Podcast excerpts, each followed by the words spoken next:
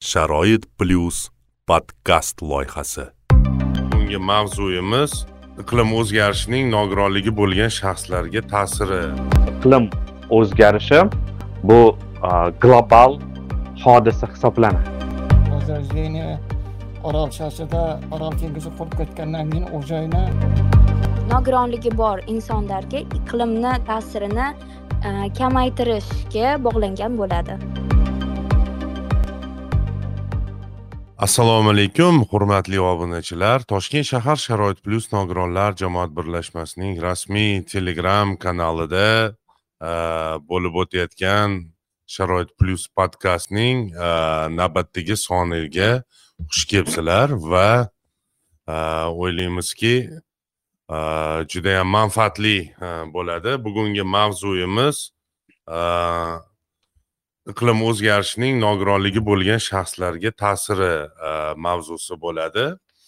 Va mana shu e, e, mavzu atrofida bugun suhbatlashamiz. Bir guruh bizni mutaxassislarimiz mana shu bugungi podkastimizda ham kuzatishyapti ham asosiy spiker sifatida tanlab olganmiz. O'zbekiston nogironlar assotsiatsiyasi rais o'rinbosari abdulla aka abduhalilov bugun bizni asosiy spikerimiz va qo'shimcha mulohazalar ham bizni bir qancha hamkasblarimiz tomonidan bildirilishi kutilmoqda. Assalomu alaykum abdulla aka. Assalomu alaykum. Vaqtingizni ayamasdan bugun dam olish kuni bo'lishiga qaramasdan mana shu podkastimizda ishtirok etayotganingiz uchun alohida minnatdorchilik bildiramiz demak rahmat rahmat kattakon o'zi umuman iqlim o'zgarishi deganda va uning ta'sirlari haqida bugun ozgina gaplashamiz endi iqlim o'zgarishi deganda nimani o'zi tushunishimiz kerak ya'ni iqlim o'zgarishi deganda biz faqatgina mana shu havoni zaharlanishi yokida bir ob havoni o'zgarishini ko'pchilik mana shu bir biri bilan haligi adashtiradi. Lekin aslida ja unchalik ham mm, to'g'ri emas. Bu faqatgina iqlim o'zgarishini bir qancha bir qismlari desak mubolag'a bo'lmaydi. To'g'rimi abdulla aka? Iqlim o'zgarishiga bir qisqacha bir tushuncha berib ketsangiz bizni tinglovchilarimizga. Avvalambor hammaga assalomu alaykum. Endi biz ko'p holatlarda axborotlarda ijtimoiy tarmoqlarda iqlim o'zgarishi haqida ko'p o'qiymiz va juda yam ko'p bahslarni guvohi bo'lamiz. Avvalambor shuni aytib o'tish kerakki iqlim o'zgarishi bu global hodisa hisoblanadi. Ya'ni iqlim o'zgarishi bu Э, ya'ni faqat o'zbekistonda yoki mana masalan faqat э, qaysidir bir amerika qo'shma shtatlarida э, bo'ladigan hodisa emas. Balki u global o'zgarish ya'ni iqlimning global o'zgarishi hisoblanadi. Bu e, iqlim o'zgarishi deganimizda bu global o'zgarish nuqtai nazaridan tushunishimiz kerak bo'ladi. Endi agar biza o'sha ob havo mm, e, o'zgarishi Э, deydigan bo'lsak ob havo o'zgarishi bu konkret muayyan э, hududga tegishli bo'lgan hodisa sifatida ko'riladi. Masalan aytaylik o'zbekistonning ob havosini o'zgarishi yoki germaniyaning ob havo o'zgarishi yoki yevropa kontinentidagi ob havo o'zgarishi э, degan iboralarni ko'proq qo'llaymiz. Endi iqlim o'zgarishi bilan ob havo ob havo o'zgarishi o'rtasida keskin farq bormi degan savol tug'ilishi mumkin. Aslida farq bo'ladigan bo'lsa ham lekin aslida iqlim o'zgarishi o'z navbatida ob havo o'zgarishiga olib keluvchi holat hisoblanadi ya'ni iqlim o'zgarishi tufayli ob havo o'zgarib boradi. O'sha global e, isish holati globalное потепление deydi rus tilida. Global isish global havo haroratini ko'tarilishi xohlaymizmi xohlamaymizmi?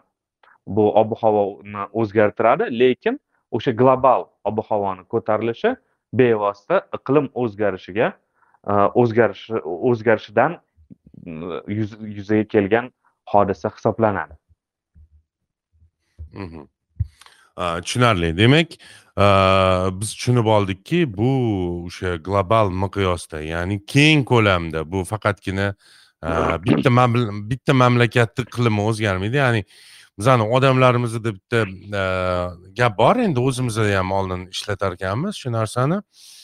Ja o'zbekistonni iqlimi ham o'zgarib ketdi yokida ja mana turkiyani iqlimi zo'rda u bu deyishadida.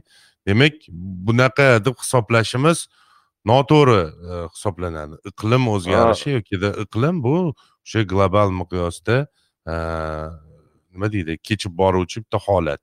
Shunaqami? Shunaqa des qisman shunaqa desa bo'ladi. Nimagaki a, masalan biza e, e'tibor beramiz. Ayt- aytishimiz mumkin. Nima uchun?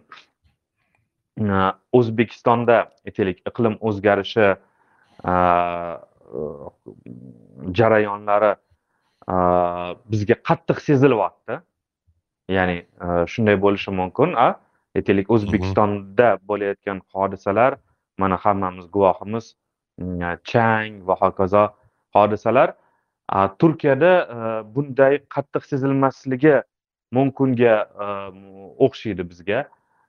Aslida shunday bo'ladi ham nima uchun? Bu bir jihat bir bir bir qancha omillar bilan bog'liq birinchidan bu muayyan davlatning e, iqlim o'zgarishiga qaratilgan siyosati bilan bog'liq bo'ladi. E, ikkinchi muayyan davlatning aholisi bilan bog'liq bo'ladi va muayyan davlatning o'ziga xos iqlimi bilan ham e, bog'liq bo'ladi. Ya'ni seziluvchanlik holati albatta muayyan davlatning iqlimi bilan ham bog'liq bo'ladi. Turkiyada aytaylik seziluvchanlik holati pastroq. Bo'lishi tabiiy holat. Chunki u yerda e, dengizlar ko'p dengiz bilan o'ralgan e, mamlakat hisoblanadi. Va u yerda masalan iqlim o'zgarishi holati pastroqdek deb tuyulishi mumkin. Lekin shu bilan birga baribir iqlim o'zgarishi turkiyani o'ziga fuqarolari bilan gaplashadigan bo'lsak jiddiy e, ta'sir ko'rsatadi. Mhm, ya'ni iqlimiy e, sharoitlar e, turli bo'lgani hisobiga mm, har xil davlatlarda har xil kuzatiladi. Endi keling iqlim o'zgarishini belgilari haqida gaplashsak e, qaysi belgilarga asosan biz anglashimiz mumkinki o'sha bo'layotgan voqea iqlim o'zgarishi sababidan ya'ni iqlim o'zgarishi ta'sirida bo'lyapti. Mana shu holat mana bunaqa holat yoki mana bu holat mana shu iqlim o'zgarishi natijasida e, vujudga kelyapti degan bir fikrga borishimiz mumkin. Qanaqa holatlar?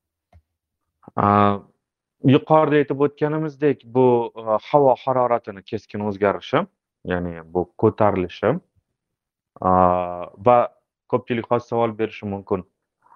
Qanday qilib havo ko'tarilishi haqida gapiryapsiz? Agar o'tgan qishda yigirma besh gradus sovuq bo'lgan bo'lsa. Aynan o'sha m, sovuq bo'lganlik o'sha haro havo haroratini ko'tarilishi dan kelib chiqqan bo'lgan holat bo'lgan ya'ni bu parnikovый effekt deb aytiladi rus tilida. Havoni o'zgarib borishi bu birinchidan. Ikkinchidan yer yer silkinishi ya'ni turli xil katastrofalar deymiz sh- stихийный tabiiy ofatlar. Ta- tabiiy ofatlarni ko'payib borishi mana hozir ko'pchilik kuzatyapti haqiqatdan ham tabiiy ofatlar yer yuzida a, ko'payib boryapti. O'sha yuqorida eslagan turkiyani eslaylik. A, tabiiy ofatlarni ko'payib borishi kelgusida qaysidir bir mamlakatlarni yo'q bo'lib ketishi ba'zi bir orol orollarda joylashgan mamlakatlar yo'q bo'lib ketishi va hozirgi kunda bu narsa уже tendensiya bor. Mana ko'rib turishimiz mumkin. Mayda mayda orolchalarni hm, yovib yo'q bo'lib ketishi va ularni okean tagida qolib ketish holatlari kuzatildi.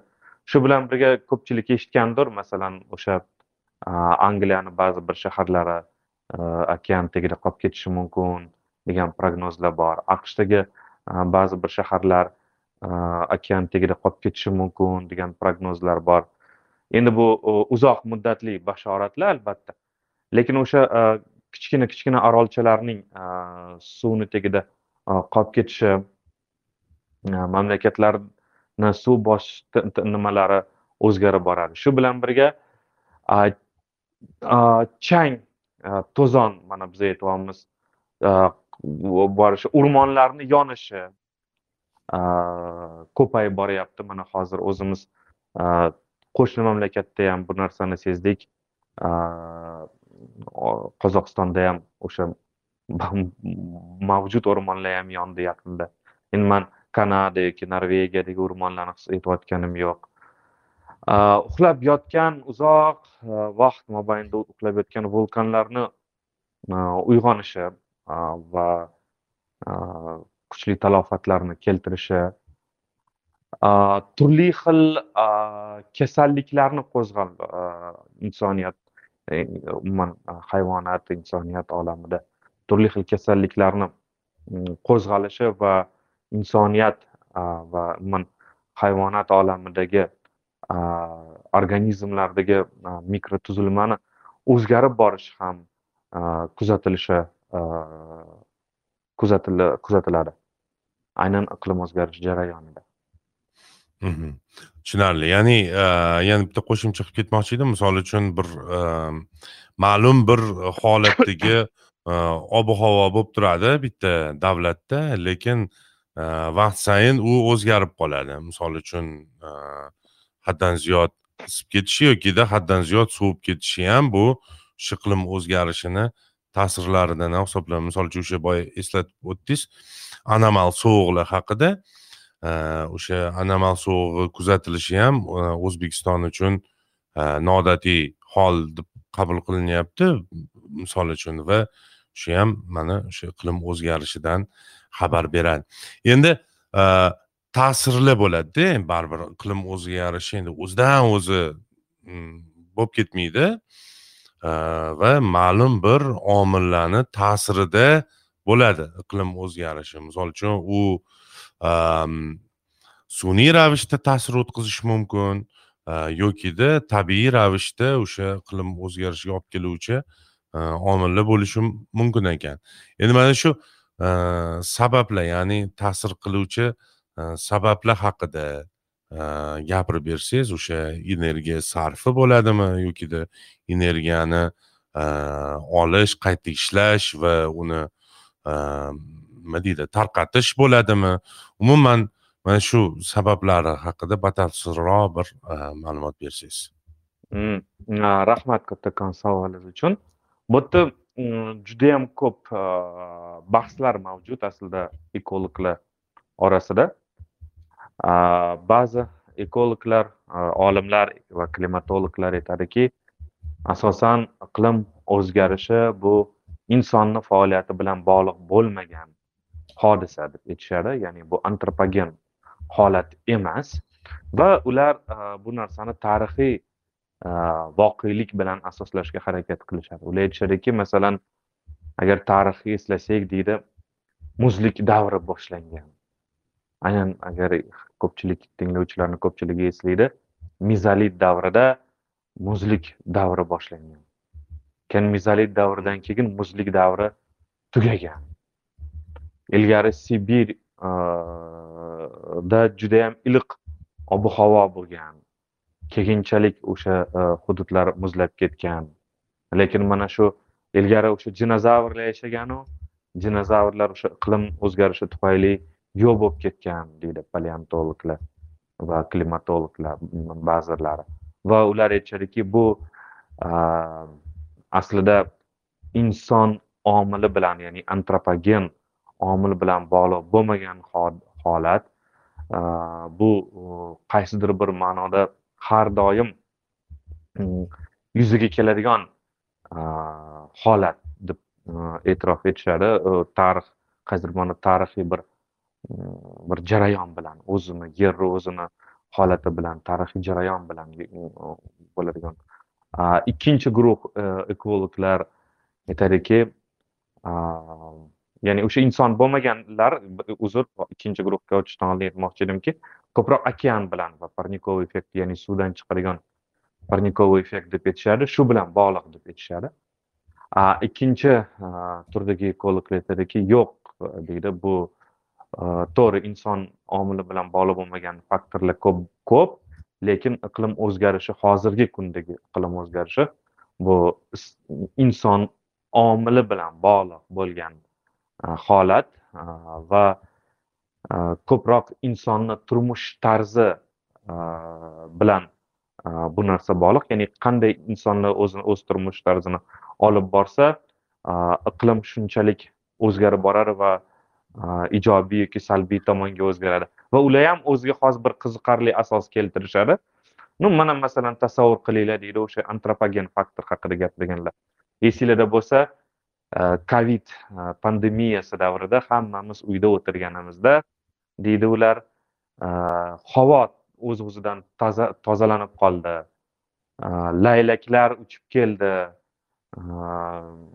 Havo o'zgardi. Umuman boshqacha bo'lib qoldi ob havo lekin haqiqatdan ham shunaqa narsa kuzatildi abdulla aka mana covidda o'sha hammani o'sha bloklaganda ya'ni birinchi apreldan yigirmanchi aprelgacha butun harakatlar shaharlarda to'xtatilganda hech ham unaqa vaqtda anchadan beri unaqa keskin surunkali yomg'irlar boshqalar yog'maganda o'sha man o'zim yaxshi eslayman yigirma kun deyarli yomg'ir yog'ib chiqqan edida surunkali ravishda. Qanaqadir. O'shaning uchun mana shunday bahslar mavjud. Antropogen faktor ko'pmi kammi degan masalaga ya'ni har bir o'zini har bir olimlar guruhi o'zini asosini keltiradi. Ya'ni tarixiy ya'ni bu o'sha yer yuzini o'zini holati bilan okeanlarni holati bilan bog'liq bo'lganlar ular shu tarixiy voqelikni eslashni yaxshi ko'rishadi. Mana hozir man aytib o'tgan o'sha antropogen faktorlar bilan bog'liq deganlar olimlar ular ko'proq o'sha ularga o'sha covid judayam zo'r bir qo'l keldi. Ilmiy ilmiy qanaqadir o'zini fikrini asoslash uchun.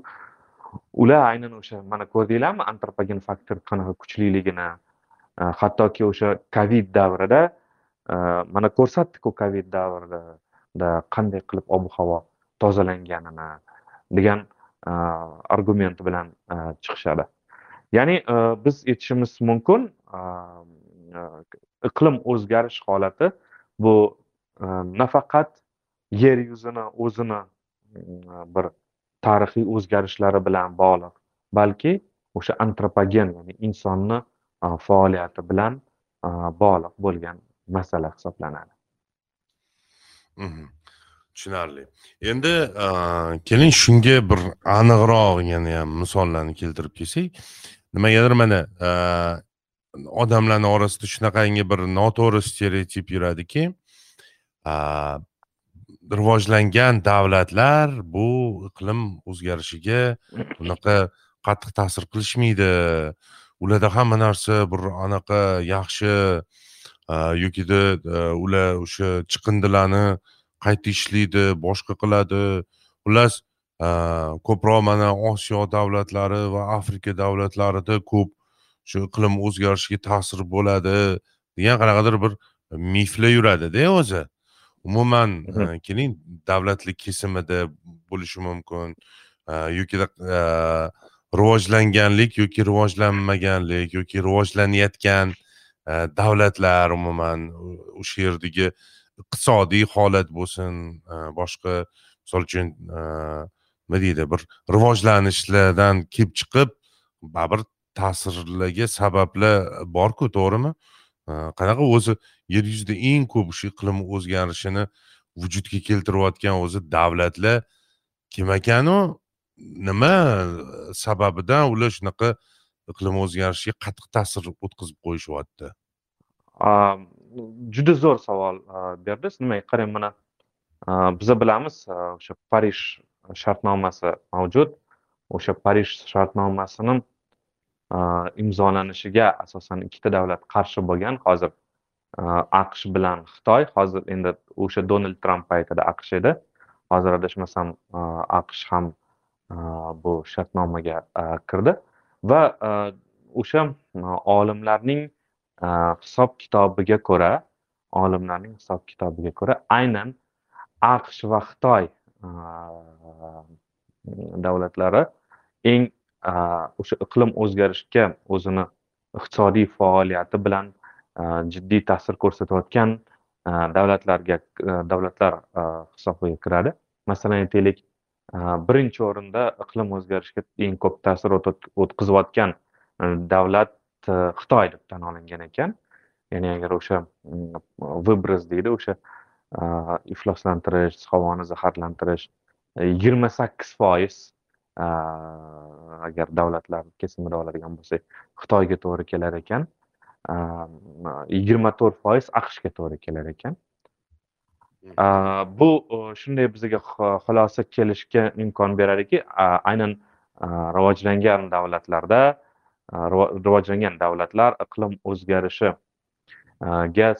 salbiy ta'sir ko'rsatar ekanku rivojlanmagan yoki rivojlanayotgan davlatlar kamroq ta'sir o'tkazar ekan degan xulosaga kelish imkonini beradi. Birlamchi qaraganda masalan nol uch o'zbekiston выбросы nol to'rt ham qozog'iston выбросы ekan bunaqa katta bir выброс emas. Lekin ikkinchi tomondan qaraydigan bo'lsak iqlim o'zgarishi va ob havo iqlim o'zgarishini ta'siri kamroq bo'lgan davlatlar skandinaviya davlatlari hisoblanadi. Statistika bo'yicha bu shvetsiya bu daniya bu norvegiya bu shu bilan birga shvetsariya agar e'tibor beradigan bo'lsangiz bu e, hammasi e, kamroq deb aytganim e, ta'siri kamroq aytganim bu rivojlangan davlatlar hisoblanadi. O'shaning uchun ham bu borada ham hali olimlar olimlarda qanaqadir bir aynan rivojlangan davlatlar shu ishni qiladi degan fikrni berishi juda yam qiyin. Shuning shuning uchun bu borada bahslar ko'p. Lekin to'g'ri mana shu aqsh bilan xitoy o'rta e, kabi davlatlarni выбросы juda katta hisoblanadi. Ya'ni выброс deganda o'sha havoga e, chiqarilayotgan zaharli chiqindilar o'sha kimyoviy qayta ishlovchilar ishlashlar bo'ladimi? Yokida sanoat yo'li bilan o'sha orttirilgan chiqindilarni suvga yokida havoga chiqarib tashlanishi yokida shunaqa eshitganmiz haligi radioaktiv moddalarni ham olib qanaqadir haligi ko'mish holatlari ya'ni ularni utilizatsiya qilishda ya'ni yo'q qilish borasidagi o'sha qiyinchiliklar sababli ularni ko'mib qo'yishadi nima qilishadi ko'mishadi yokida mana bizada qoraqalpog'istonda jabbar og'a mana bu yerda o'tiribdilar ularda mana orolcha bor остров возрождения deb aytiladi qoraqalpog'iston hududida joylashgan bu. Keling man jabbor og'aga mikrofon yoqib beraman xohlasangiz hanuzgacha hanuzgacha u yerda asosiy ko'milgan o'sha остров возрождения ya'ni orol orolda возрождение orolida ko'milgan modda bu sibirskая язва moddasi bo'lgan va biza bilamiz aqsh ham yaponiya ham yaqinda judayam ko'p e, grantlar nimalar ajratishdi aynan mana shuni yo'q qilish uchun e, o'sha возрождение orolchasidagi o'sha ko'milgan nimalarni yo'q qilish uchun e, juda ko'p pul ajratishdi endi ba'zi birlar aytadi yo'q bo'lib ketdi deb lekin ko'proq o'sha muxolifatchi ekologlar ishonishmaydi haligacha bu narsa e, возрождение orolida bor. To'liq to'liq bu narsadan qutulganimiz yo'q. Bu e, sibirskaya sibirskая язва o'sha sovet davrida e, ko'milgan kasallik o'sha sibir yazvasi bu juda xavfli aslida kasallik.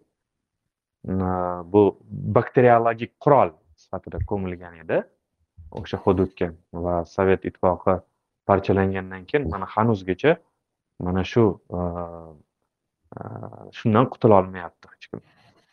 Mhm. tushunarli. E, jabbor norbayev mikrofonni yoqib qo'yganman. O'zlari ham ishtirok etyaptilar chunki iqlim o'zgarishi bo'yicha yaqinda bir guruh faollarimiz malaka oshirishdi. Ular safida jabbor og'a ham borlar. Mana shu jihat haqida o'zingizni o'sha fikrlaringizni bildirsangiz ya'ni o'sha qoraqalpog'iston qoraqalpog'istondagi mana shu holatni aytib o'tdilar abdulla aka assalomu alaykum hammaga men narboyev jabbor Э, o'zbekiston agrar assotsiatsiyasi qoraqalpog'iston respublikasi hududiy bo'limi raisiman shu bizlar ulug'bek aka va oqilov aka bilan birgalikda shu iqlim o'zgarishi bo'yicha olmaota shahridagi seminar treningga qatnashganmiz hozir boya abdulla aka to'g'ri aytib o'tirdi shu возрождение orol shoshida orol dengizi qurib ketgandan keyin u joyni dagi narsalarni e, ko'mib tashlagan abdulla aka to'g'ri aytdingiz siz hozirgi paytda ham u narsa menimcha bo'lsa kerak chunki u taraflarga hozir e, hech kim bormayapti hozir borishga ham qo'rqishadi chunki haliyam bu joyda shu o'tkazgan tadqiqotlarning nimalari bo'lsa kerak deb o'ylayman ya'ni odamlarni xabardorligi bor bu borada va o'zlarini saqlashga qandaydir harakatlar qilishyapti to'g'rimi? Ha to'g'ri to'g'ri shunaqa. Shunaqa. Endi bu yerda odamlarni xabardorligi bor o'zligini saqlashga harakat qilishyaptiku lekin olimlarda bir masala savol turibdi. Ho'p vaqt o'tgan sayin bu ko'milgan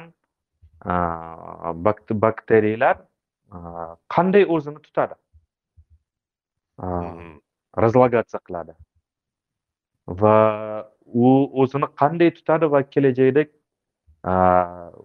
aynan bizga qanday ta'sir o'tkazadi degan savol odamlarni qiynayapti chunki biz bilamiz har bir modda bu dialektika qonuni muayyan vaqt o'tgandan keyin o'zgaradi va o'zgarish davomida uni ta'siri qanday bo'ladi o'sha ko'milgan e, kuydirgi kasalliklarni e, holati qanday bo'ladi? Bu e, nogironlikni ko'payishiga sonini ortishiga asosiy sabablardan biri bo'lib qoladimi degan savollar ham hozirgi kunda olimlarda yo'q emas. Mhmm. Э, albatta o'zi bugungi mavzuyimiz ham o'sha iqlim o'zgarishini nogironligi bo'lgan shaxslarga ta'siri qanday degan savolni mavzu sifatida olganmiz. Э, Keling endi bevosita nogironlik bilan bog'laymiz endi э, mani ko'p tanqid qilishadi podkastlaringda hamma mavzuni nogironlik bilan bog'layverasan.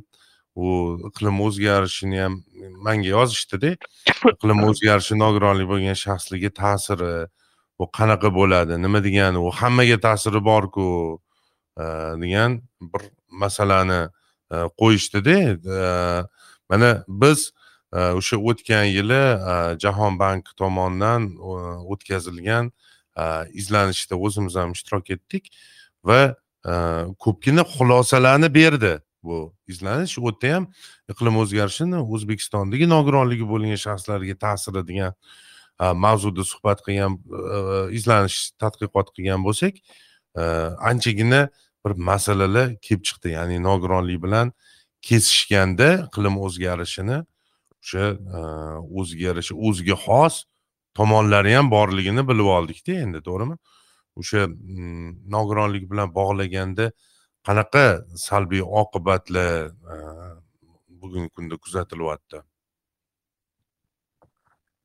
Am, to'g'ri shunday bir pozitsiyalar bor. Biz o'sha olmaota treningda ham ko'rdik. Ba'zilar a bu iqlim o'zgarishi nogironligi bor shaxslar bilan birga boshqalarga ham ta'sir bir birdek e, ko'rsatiladi degan bir e, xulosalar ham bo'ldi. Biz mana tadqiqot olib bordik. Bu yerda tadqiqotda ham ishtirok etgan odamlar bor. Mana dilmurod aka ulug'bek aka uni o'zlari.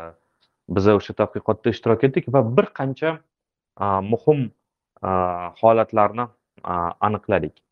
Birinchidan a, shundan boshlaylik. Iqlim o'zgarish holati mm, nogironlikni ko'paytiradi. Ya'ni nogironlik bo'lgan shaxslarni soni iqlim o'zgarishi tufayli oshib boradi.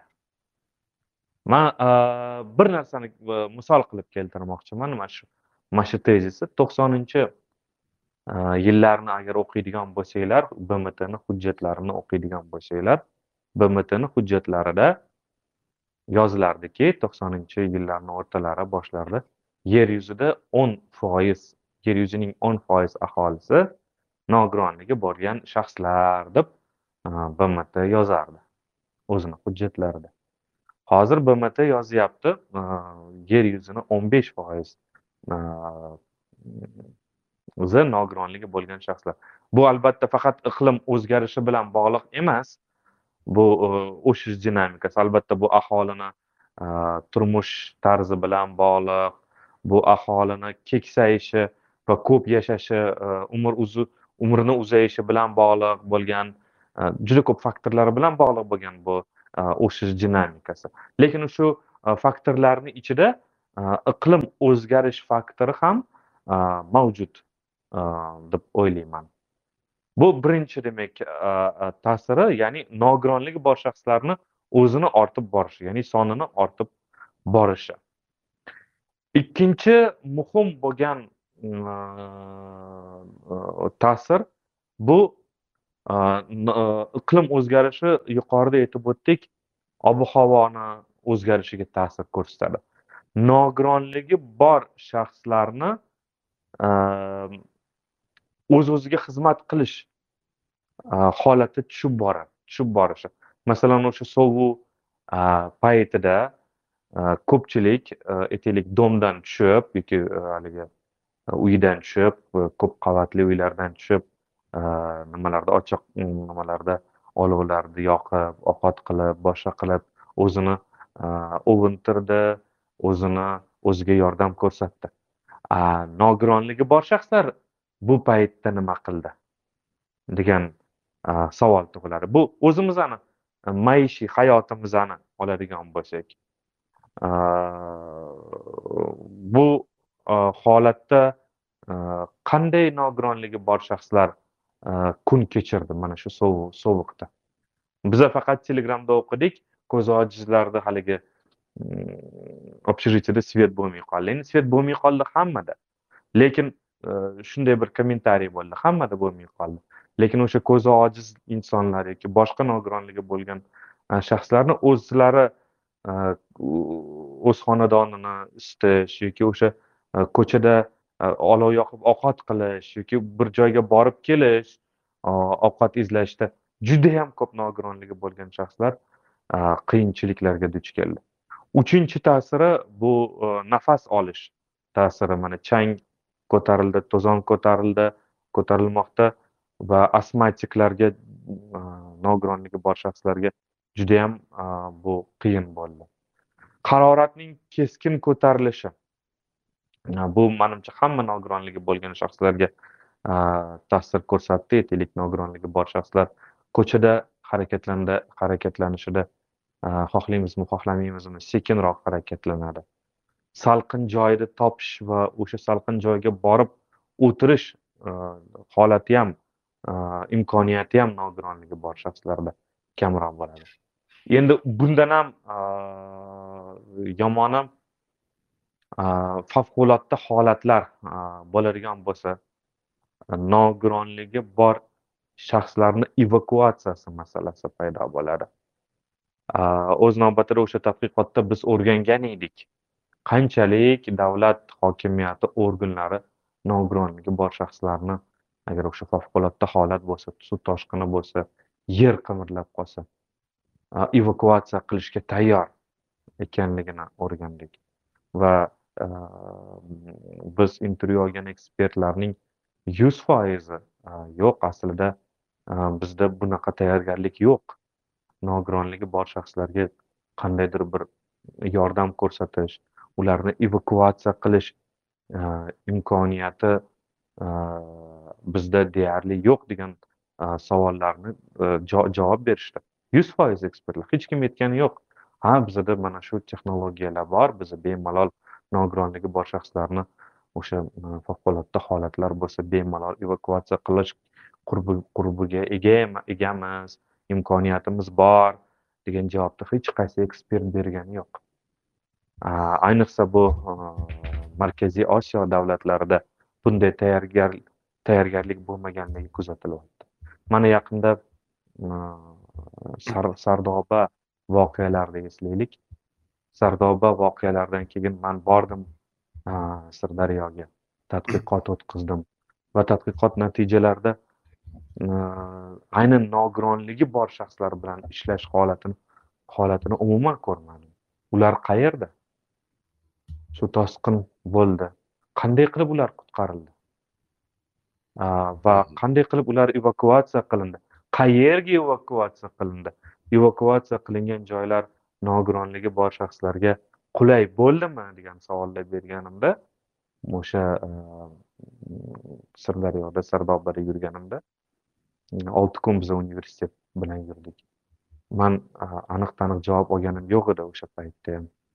O'shaning uchun man aytmoqchimanki albatta hammaga uni ta'siri katta lekin nogironligi bor shaxslarga ta'siri ancha yuqori deb o'ylayman alohida individual ta'sirlari ham baribir borligini e, bilyapmiz. E, misol uchun o'sha oziq ovqat xavfsizligi haqida ham ko'p gapirdik. Iqlim o'zgarishi natijasida oziq ovqat xavfsizligi e, juda judayam og'ir holatlarga keladi. Man hozir bir mirsaid muxtorovga so'z bermoqchiman. Ikki og'iz shu oziq ovqat xavfsizligi haqida o'zini fikrlarini bildirsa agar chiqib ketmagan bo'lsa hozir afsus hozir yo'q ekan. Mirsaid hozirgi счетda edi э, ya'ni o'sha zararlangan o'sha global issiqlashuv natijasida zararlangan yokida mana shu e, turli kimyoviy e, holatlar natijasida ta'sir o'tgan o'sha sabzavotlar bo'ladimi meva cheva bo'ladimi yokida qanaqadir mahsulot bo'ladimi e, ana o'shalarni zararlanganligini e, bilish borasida misol uchun mm, ko'pgina nogironligi bo'lgan yurtdoshlarimizda e, o'ziga yarasha muammolar vujudga keladi. Hatto ayrim misollarni ham o'rgandik o'shanda o'sha deylik iqlim o'zgarishi natijasida bir ma'lum bir dardga chalinadi nogironligi bor odam ko'rish bo'yicha nogironligi bor odam lekin aptekachi unga umuman adashib boshqa dorini berib yuboradi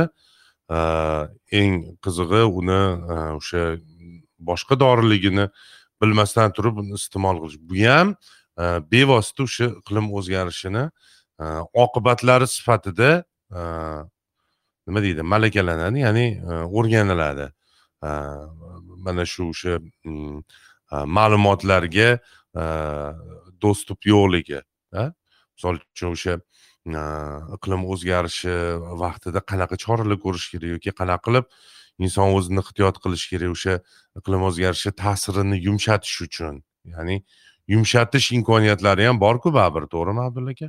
O'sha e, iqlim o'zgarishi ta'sirlarini yumshatish uchun qanaqa maslahatlar beriladi nogironligi bo'lgan insonlarga? Endi e, bu yerda avvalambor e, nogironligi bor shaxslar bilan ishlovchi jamoat tashkilotlari va davlat hokimiyati organlari birgalikda e, faoliyat olib borish muhimligi ko'zda tutiladi birinchidan biza bu narsani ko'p ta'kidladik birinchidan bu o'sha e, favqulodda e, holatlarda nogironligi bor shaxslar bilan ishlash nogironligi bor shaxslarga yordam berish yoki ularni qo'llab quvvatlash borasida e, standartlarni ishlab chiqilish lozim. Bizda favqulodda vazirligi xodimlari ichki ishlar vazirligi xodimlari mana aytaylik nogironligi bor shaxslarni baland qavatlardan qanday olib chiqasan degan savol bersak ular javob berolmayapti. Chunki bilmaydi zamonaviy o'sha qanday matraslar chiqqanini o'sha matras e, o'sha matraslar yordamida olib chiqish qanday imkoniyatlar borligini bilinmayapti. Ko'zi ojizga qanday yo'l ko'rsatish shu bilan birga e, aytaylik e, ko'zi ojiz yoki zaif eshituvchi shaxslar bilan effektiv kommunikatsiya jarayoni qanday olib borilishi kerak favqulodda e, holat paytida? E, aytaylik favqulodda holat yuz beryapti. Eshitishda nuqsoni bo'lgan inson e, qayerdan biladi? Agar ko'rib qolmasa odamlar yugurib ketayotganini. Lekin bilmasligi mumkin nimaga yugurib ketyapti bular deb o'ylab o'tirishi mumkin? Э, ko'zi ojiz inson e, qanday biladi qayerga yugurish kerakligini e, yoki qanday o'zini qutqarish kerakligini ya'ni qanday effektiv kommunikativ vositalar mavjudligini birgalikda ishlab chiqish kerak e, bo'ladi. Bu tizimli tizimli ishlar albatta davlat va nodavlat notijorat tashkilotlari o'rtasidagi ijtimoiy hamkorlikni ijtimoiy sheriklikni talab qiladi. Mhm. Tushunarli. Endi o'ziga yarasha o'sha standartlarni ishlab chiqilishi ham talab qilinishi ma'lum bo'lyapti. Endi bular qanday qilib amalga oshiriladi? Bularni mana aytyapmiz hokimiyat va o'sha davlat va nodavlat tashkilotlar o'rtasidagi ijtimoiy sherikchilik asosida bo'lishi kerak deb bu bizni taklifimizda abdulla aka. Buni masalan davlat bizga chiqmayapti. Ey e, mana shu iqlim o'zgarishi ta'sirini nogironlik bo'lgan shaxslarga yumshatish uchun g'oya beringlar mana sizlarga pul demayaptida. Misol uchun sizlarni moliyalashtiramiz loyihalaringlarni yoki o'sha g'oyalaringlarni ro'yobga chiqaramiz demayapti. U biz berayotgan takliflar va e, bizdagi o'sha fuqarolik jamiyat vakillari uchun Э, judayam qulay bir imkoniyat э, paydo bo'lyapti. Э, ya'ni mana shu kelayotgan yil boshida o'sha markaziy osiyo davlatlaridagi o'sha fuqarolik jamiyati vakillari uchun grant loyihalari dasturi e'lon qilinishi kutilyapti. Bu bo'yicha ma'lumot berish uchun man so'zni saida to'rabekovaga bermoqchi edim. Saida to'rabekova bizani e, yaqindan biz bilan hamkorlik qilib kelyaptilar. E, saida e, mikrofon oldida bo'lsangiz mana shu kutilayotgan tanlovlar haqida va u yerda qanday o'sha mavzularni qanday yo'nalishdagi mavzularni olib chiqib grant loyihalarini yutish va davlat bilan ijtimoiy sherikchilik asosida umuman xalqimizga yordam berish imkoniyatlari bo'ladi. Shu haqida e, qisqacha bir ma'lumot berib ketamiz keyin tinglovchilarimizdan savollarni olamiz. Marhamat. Assalomu alaykum hammaga e, avvalambor chaqirganinglar uchun rahmat. Hammani yana bir bor eshitishdan judayam xursandman. E, endi bizani loyihamizga kelsak ya'ni yaqinda o'zinglar qatnashgan trening bo'lib o'tdi. Iqlim o'zgarishini nogironligi bor insonlarga ta'siriga bag'ishlangan. Endi esa yanvar va fevral oylarida ya'ni kelayotgan ikki ming yigirma to'rtinchi yilda seminarlar bo'lib o'tadi. Ya'ni milliy tarz milliy stilda workshoplar bo'lib o'tadi. Shu mavzuni ko'proq nntlarni chaqirib ular bilan ishlab treningda qatnashgan nntlardan tashqari boshqa ekspertlarni chaqirgan holda ya'ni almatta shahrida dushanbada va toshkentda uch kun bo'lib o'tadi. Undan so'nggisi aytib o'tilgan konkurs ya'ni tanlov bo'lib o'tadi. O'n to'rtta kichik grantlar yigirma uch ming aqsh dollari summasi summasiga tanlab olinadi. Va ularni barchasi nogironligi bor insonlarga iqlimni ta'sirini kamaytirishga bog'langan bo'ladi. Ularni hammasi shu davlatlarda ya'ni qozog'iston tojikiston o'zbekistonda amalga oshiriladi. Turkmaniston ham bor. O'zbekistonga o'sha to'rtta loyihani moliyalashtirish ko'zda tutilgani bizga ma'lum. Va ko'pchilik savol bo'lishi mumkin Э, bunda faqat o'sha e, olmaota shahrida bo'lib o'tgan faollar e, yig'inida ishtirok etganlar qatnasha oladimi? Yoki boshqa nntlar ham qatnasha oladimi? Degan chunki mana bizani hozir e, nogironlik jamoat birlashmalari vakillari ham faollar eshitib turishibdi. Ularga ham bu juda qiziq bo'lishi mumkin o'shani tamoyili. Endi Э, to'rtta э, loyiha berilgan va э, ular adashmasam ishtirok etishlari mumkin bo'ladi. Siz gapingizdan kelib chiqib aytyapmanda shu to'g'risida saida. Ha ha albatta. E, Qozog'istonda ya'ni yaqinda olmaotada bo'lib o'tgan treningda qatnashgan nnt vakillaridan tashqari boshqa nnt vakillari ham bu tanlovda qatnashishi mumkin. Ular e, shu e, loyihalar e, tanlab olingan loyihalar amalga oshirib bo'lganidan so'ng avgust oyida yigirma to'rtinchi yilda oxirida e, forum bo'lib o'tadi. Ya'ni barcha loyihalar amalga oshirinib bo'lgandan so'ng. Mhmm. Ya'ni qo'shimcha berib ketmoqchi edim ijozatingiz bilan. O'sha loyihalar qisqa muddatli loyihalar bo'ladi ya'ni olti oy muddat beriladi loyihalarni amalga oshirish uchun. Shuning uchun iqlim o'zgarishiga oid bo'lgan masalalarni yaqindan o'rganib va u yerda e, ko'proq e, urg'u berilgan ya'ni e, advokatsiya qilish ya'ni hukumatga iqlim o'zgarishi o'sha holatlarini nogironligi bo'lgan shaxslarga ta'sirini yumshatishga qaratilgan. Ya'ni advokatsiya o'sha misol uchun standartlarni ishlab chiqish bo'ladi mana abdulla aka yuqorida aytib o'tdilar.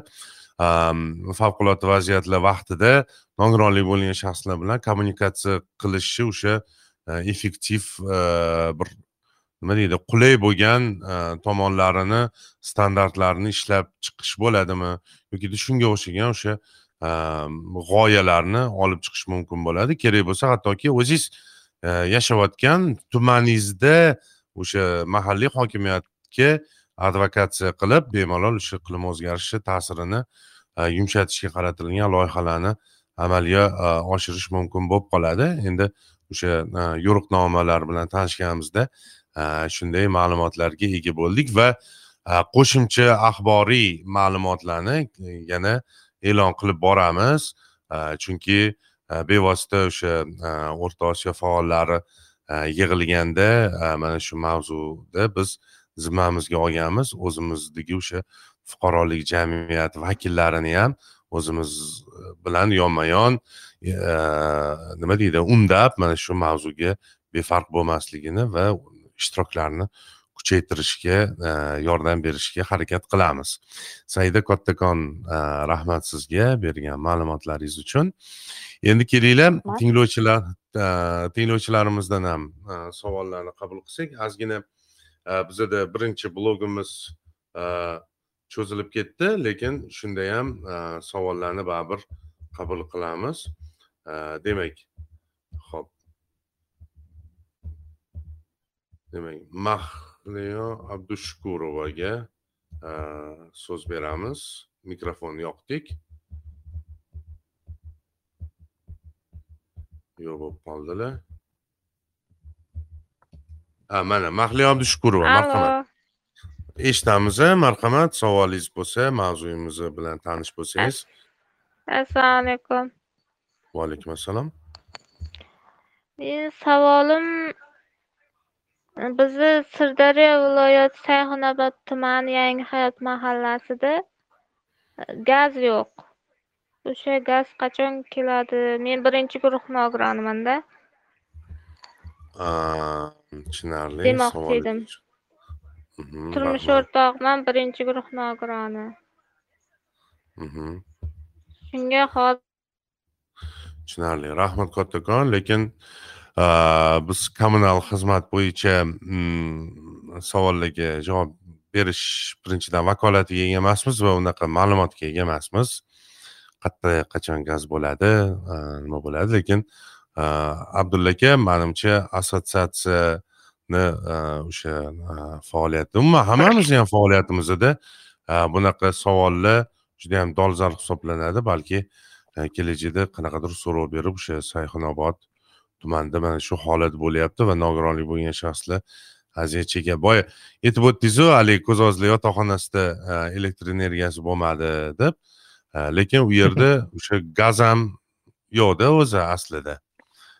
o'sha vaqtda ham elektr energiyasidan ham gaz ta'minotidan o'sha buzilgan holatda juda yam qattiq qiynalishlar e, kuzatildi. Ho'p e, demak hozir.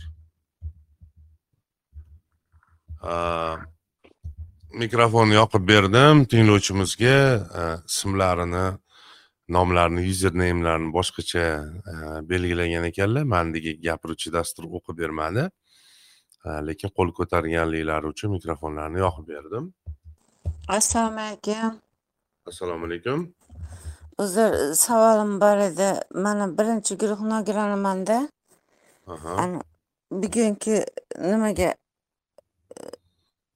temaga mavzu emas lekin bitta iltimosim bor. Yo'q yo'q to'xtang to'xtang bo'lgan shaxslarni to'xtang to'xtang to'xtang mani eshiting mani eshiting iltimos agar faqat mana shu mavzu bo'yicha bo'lsa savol berish imkoniyati beriladi to'g'risi? Yo'q. Bitta nima kiritib o'tmoqchi edimda nogironligi bo'lgan shaxslarni ishga olib ishdan bo'shatishyapti. Shaxsan manda shu narsa ham bo'lyapti lekin kim qayerga olyapti bilolmayapmanda iltimos shu narsalarni oldini olinglar. Doim mana shu podkastda ishtirok etaman lekin hech qatnasha olmasdimda iltimos imkoni bo'lsa foydalanishmasin? Ho'p imkoni bo'lsa mani shaxsiyimga o'zingizni kontakt ma'lumotlaringizni yozib qo'ysangiz albatta bu masalada o'zim sizga shaxsan aloqaga chiqaman. Ho'pmi ho'p hozir hozir rahmat. Rahmat. Man bir marta qo'shimcha qilmoqchi edim uzr so'rayman. Bu masalada bizda ham sharoit plyus tashkilotida ish plyus a, loyihasi bor. Shu nogironligi bo'lgan shaxslarni ish bilan ta'minlash Э, va bizda yangi mana bu muammo juda yam dolzarb ya'ni nogironligi bo'lgan shaxslarni ishga olib ishdan chetlatish masalasida huquqiy yordam beryapmiz. Э, huquqiy yordam kerak bo'lsa э, huquq plyus nuqta uz degan loyihamiz bor yangi. Huquq plyus yuristimizni telefonini yozib olsangiz to'qson uchlik olti yuz oltmish o'n to'qqiz to'qson yetti. Mhm. Rahmat kattakon shu murojaat qilsangiz biz e, huquqiy maslahat berib yordam berishga harakat qilamiz. Rahmat katta ho'p rahmat kattakon albatta o'sha ish plyus loyihasi orqali sizga e, ma'lumot berish va kerak bo'lsa yordam berishga harakat qilamiz. Nargizaga mikrofon yoqib berdim. Assalomu alaykum. Eh, assalomu alaykum. mavzuni yaxshi tanlagansizlar dunyo bo'yicha ham o'zimizni o'zbekistonimizdagi iqlimlar bo'yicha ham judayam chiroyli mavzu tanlangan mani taklifim bu borada ko'p ishlar ham olib borilyapti. Именно mana sharoit plyus muhabbat e, sharoit plyus nogironlar jamiyati birlashmasi orqali ham e, ko'p ishlar olib borilyapti.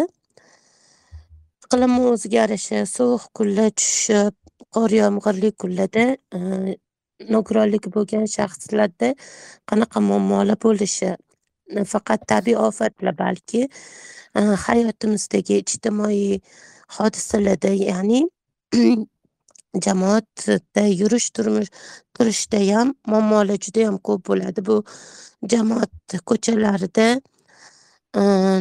nogironligi bo'lgan insonlarni yurishida momosi qorilada yomg'irlarda loyli bo'ladi qorlarda sirpanchiq bo'ladi. Bu paytda nogironli aravachalarda yurish judayam muammo bo'ladi.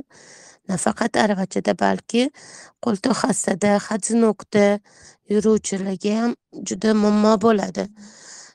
Shu borasida ham hm, davlatimiz e, bir qanaqadir amaliy yordam ko'rsatsa ko'chalarni shu xazon rezgi paytlarda e qanaqa tozalangan bo'lsa qorlardan ham shunaqa iloji boricha avtobus bekatlari avtobuslarni kirish chiqish joy eshiklari panduslarini ayniqsa tozalanib turilsa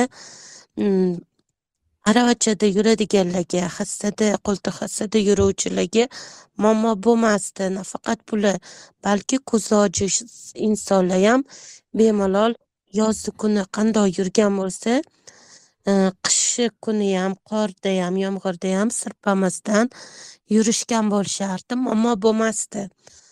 Bu shuniyam taklif o'rnida ko'rib chiqishinglarni so'rardim rahmat. Jamoat transportlarida avtobuslarga metrolarni kirish chiqishlar joylarida shu qorli mm, uyumlarni loyli to'plamlarni xazon bilan xazon rezgi paytida mana hozir mm, yomg'ir yog'ganda u loy bilan xa- xazonlar sirpanchiq bo'lib qoladida. Bu ham bir katta muammoda chunki e, ko'zi ojiz insonlar ham bu narsani ko'rmaydi bilmaydi. Atrofdagilarni uzr atrofdagilarni befarqligi bilan e'tiborsizligi bilan ular yurib ketishsa sirpanib o'zligiga oyoqligigami qo'lligigami shikast yetib qolishi ehtimoli judayam kattada. Э, rahmat nargiza э, munosabatingiz uchun. Bevosita shu ham o'zi aslida iqlim o'zgarishi natijasida yuzaga keluvchi ta'sirlarni ichiga kiradi.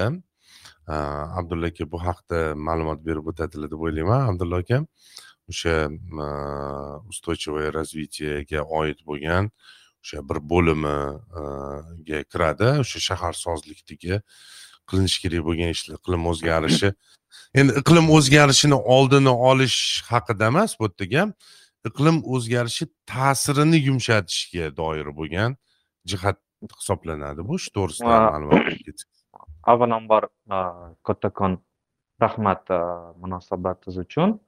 A, adashmasam ismlari nargiz opa judayam to'g'ri ta'kidlandi.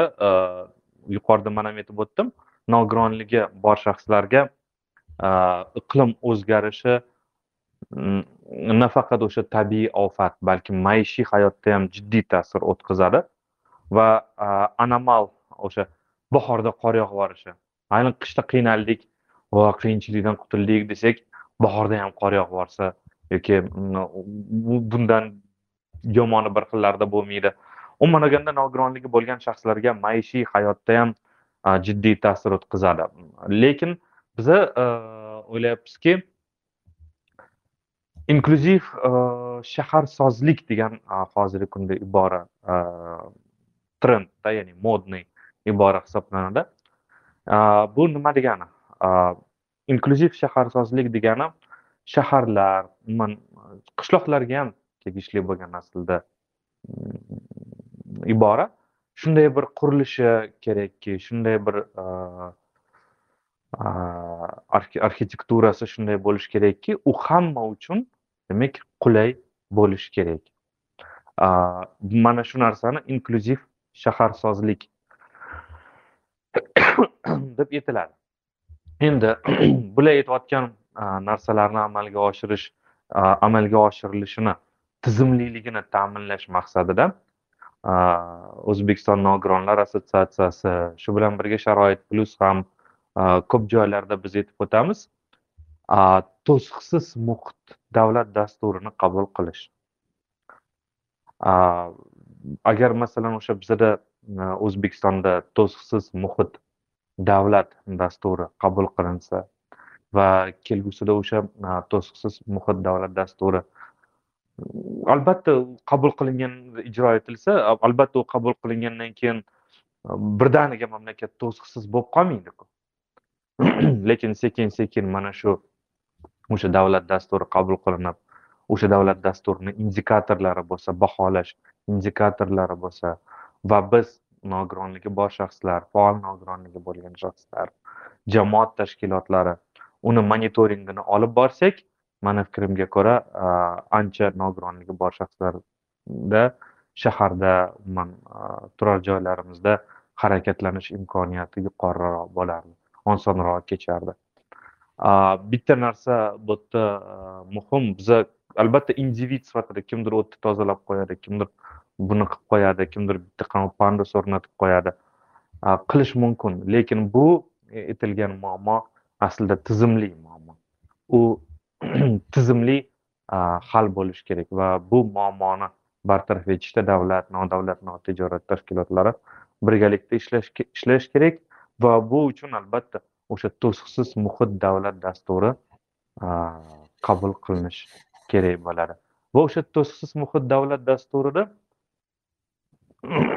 to'siqsiz muhit davlat dasturida albatta inklyuzivlik eng muhim hisoblanadi bir narsani sizlarga eslab eslatib o'taman konvensiyada ham umuman nogironlikni ijtimoiy modelida ham shunday ibora bor nogironligi bor shaxslar uchun nima yaxshi bo'lsa bu hamma uchun yaxshi. Nogironligi bor shaxslar uchun shahar qulay bo'lsa bu homilador ayollarga ham yaxshi keksa insonlarga ham yaxshi yosh bolalarga ham yaxshi og'ir yuk ko'targan insonlarga ham yaxshi. O'shaning uchun ham albatta o'sha inklyuziv shahar qurilishi to'siqsiz muhitni ta'minlanish holati hammamiz uchun katta foyda keltirgan bo'lar edi. Lekin man aytib o'tganimdek bu tizimli masala va albatta inklyuziv shaharsozlik qoidalarini amalga oshirish kerak bo'ladi. Biz bu narsani talab qilishda charchamasligimiz kerak. Nogironligi bo'lgan faollar ya'ni to'siqsiz muhitni o'sha shahar va qishloqlarda yaratilishi bo'yicha o'zimizni fikrlarimizni mulohazalarimizni doim bildirib kerak bo'lsa tanqidiy mulohazalarimizni bildirib jamiyatimizni o'zgartirishga o'zimiz ham imkon qadar hissa qo'shishimiz kerak va yuqorida shu saida aytib o'tgan grant loyihalarini ichiga mana shu nima deydi iqlim o'zgarishi ta'sirini yumshatish bilan bog'lash imkoniyati judayam bor. Sababi iqlim o'zgarishi natijasida misol uchun o'sha yog'ingarchiliklarni noo'rin vaqtda bo'lishi yokida boshqa qandaydir oqibatlar natijasi misol uchun o'sha mana chang bo'ronlari bo'lyapti. Misol uchun o'shalarni ta'sirini yumsha balki uni oldini olishga bizni ilmimiz bilimimiz yetmasligi mumkin ko'pchiligimizni lekin uni ta'sirini yumshatishda har bittamiz nogironligi bo'lgan insonlar mutaxassis hisoblanamiz. O'zi o'zimizni mana shu e, hayotiy tajribamizdan kelib chiqib misol uchun mana shu nargizani shu g'oyalarini e, o'ylaymanki balki siz shuni nargizni rivojlantirib mana shu ko'rik tanlovda e, qatnashishga harakat qilib ko'rishingiz ham mumkin. Nogironlar jamoat birlashmasi biron bir o'sha tashkilotni safida turib E, bo'lishim mumkin. Endi e, o'shanga mana shu loyihalarni e, yozishda to'ldirishda faol bo'linglar va o'zinglarni g'oyanglarni aniq taklif bilan berishga harakat qilishga intilinglar. Demak hurmatli do'stlar bugungi podkastimizga ajratilgan vaqt o'z nihoyasiga yetdi. Bugungi mavzuyimiz iqlim o'zgarishining nogironligi bo'lgan shaxslarga ta'siri qanday degan savolni mavzu sifatida olganmiz va biz bugun asosiy e, spiker sifatida e, o'zbekiston nogironlar assotsiatsiyasi e, rais o'rinbosari abdulla aka abduhalilovni taklif etganmiz. Bu inson o'sha iqlim o'zgarishi bo'yicha bir qancha tadqiqotlarda ishtirok etganlar va man bilaman o'sha ekolog uz saytini asoschisi bo'lgan adashmasam nargiza qosimova bilan ham bir qancha maqolalaringiz ham bo'lgan iqlim o'zgarishiga oid ekologiyaga oid bo'lgan maqolalar bilan ham chiqishlar qilganlar. Shuning uchun qanaqadir taklif mulohazalar bo'ladigan bo'lsa bemalol murojaat qilishinglar mumkin bo'ladi. Mana o'zbekiston nogironlar assotsiatsiyasi sharoit plyus nogironlar jamoat birlashmasi undan tashqari mana shu e, nogironlar assotsiatsiyasini hududiy bo'limlari orqali nnolarga ya'ni nntlarga nodavlat notijorat tashkilotlariga e, aloqaga chiqib bemalol o'zinglar mulohazalaringlarni bildirib faol bo'linglar faollikka chaqirib qolinglar. Mahmud hoji behbudiy aytgandek e, huquq berilmaydi huquqlar talab qilib olinadi bu bizani shiorimiz bo'lishi kerak talab qilishni to'xtamasligimiz kerak. Abdulla aka tilinglar bo'lsa tinglovchilarimizga bildirasiz va biz podkastni yakunlaymiz. Avvalambor mana shu podkastga taklif qilganingiz uchun kattakon rahmat. Man hammaga nima tilayman? Endi mavzudan kelib chiqib tilagim shundayki barchamizga ochiq havo toza havo tilayman. Chunki bu judayam muhim. Sog'lom ovqatlanish tilayman oziq ovqat xavfsizligi ta'minlanganligini tilayman barchamizga salomatlik tilayman barchamizga to'siqsiz muhitni tilayman va har doim biz ulug'bek aytganlaridek bir narsani o'ylashimiz kerak. Bizani imkoniyatlarimiz aynan bizga bog'liq ekanligini. Bizni imkoniyatlarimiz kengayishi bizning salohiyatimiz o'sishi bizning huquqlarimizni ko'proq bilishimiz shu bilan birga ko'proq o'qishimiz va konstruktiv takliflarni ishlab chiqishimiz bilan bog'liq va aynan o'shandagina nogironligi bo'lgan shaxslarni turmush sifatini o'sishiga xizmat qilgan bo'lamiz. Hammanglarga omad tilayman. Sog' bo'linglar salomat bo'linglar.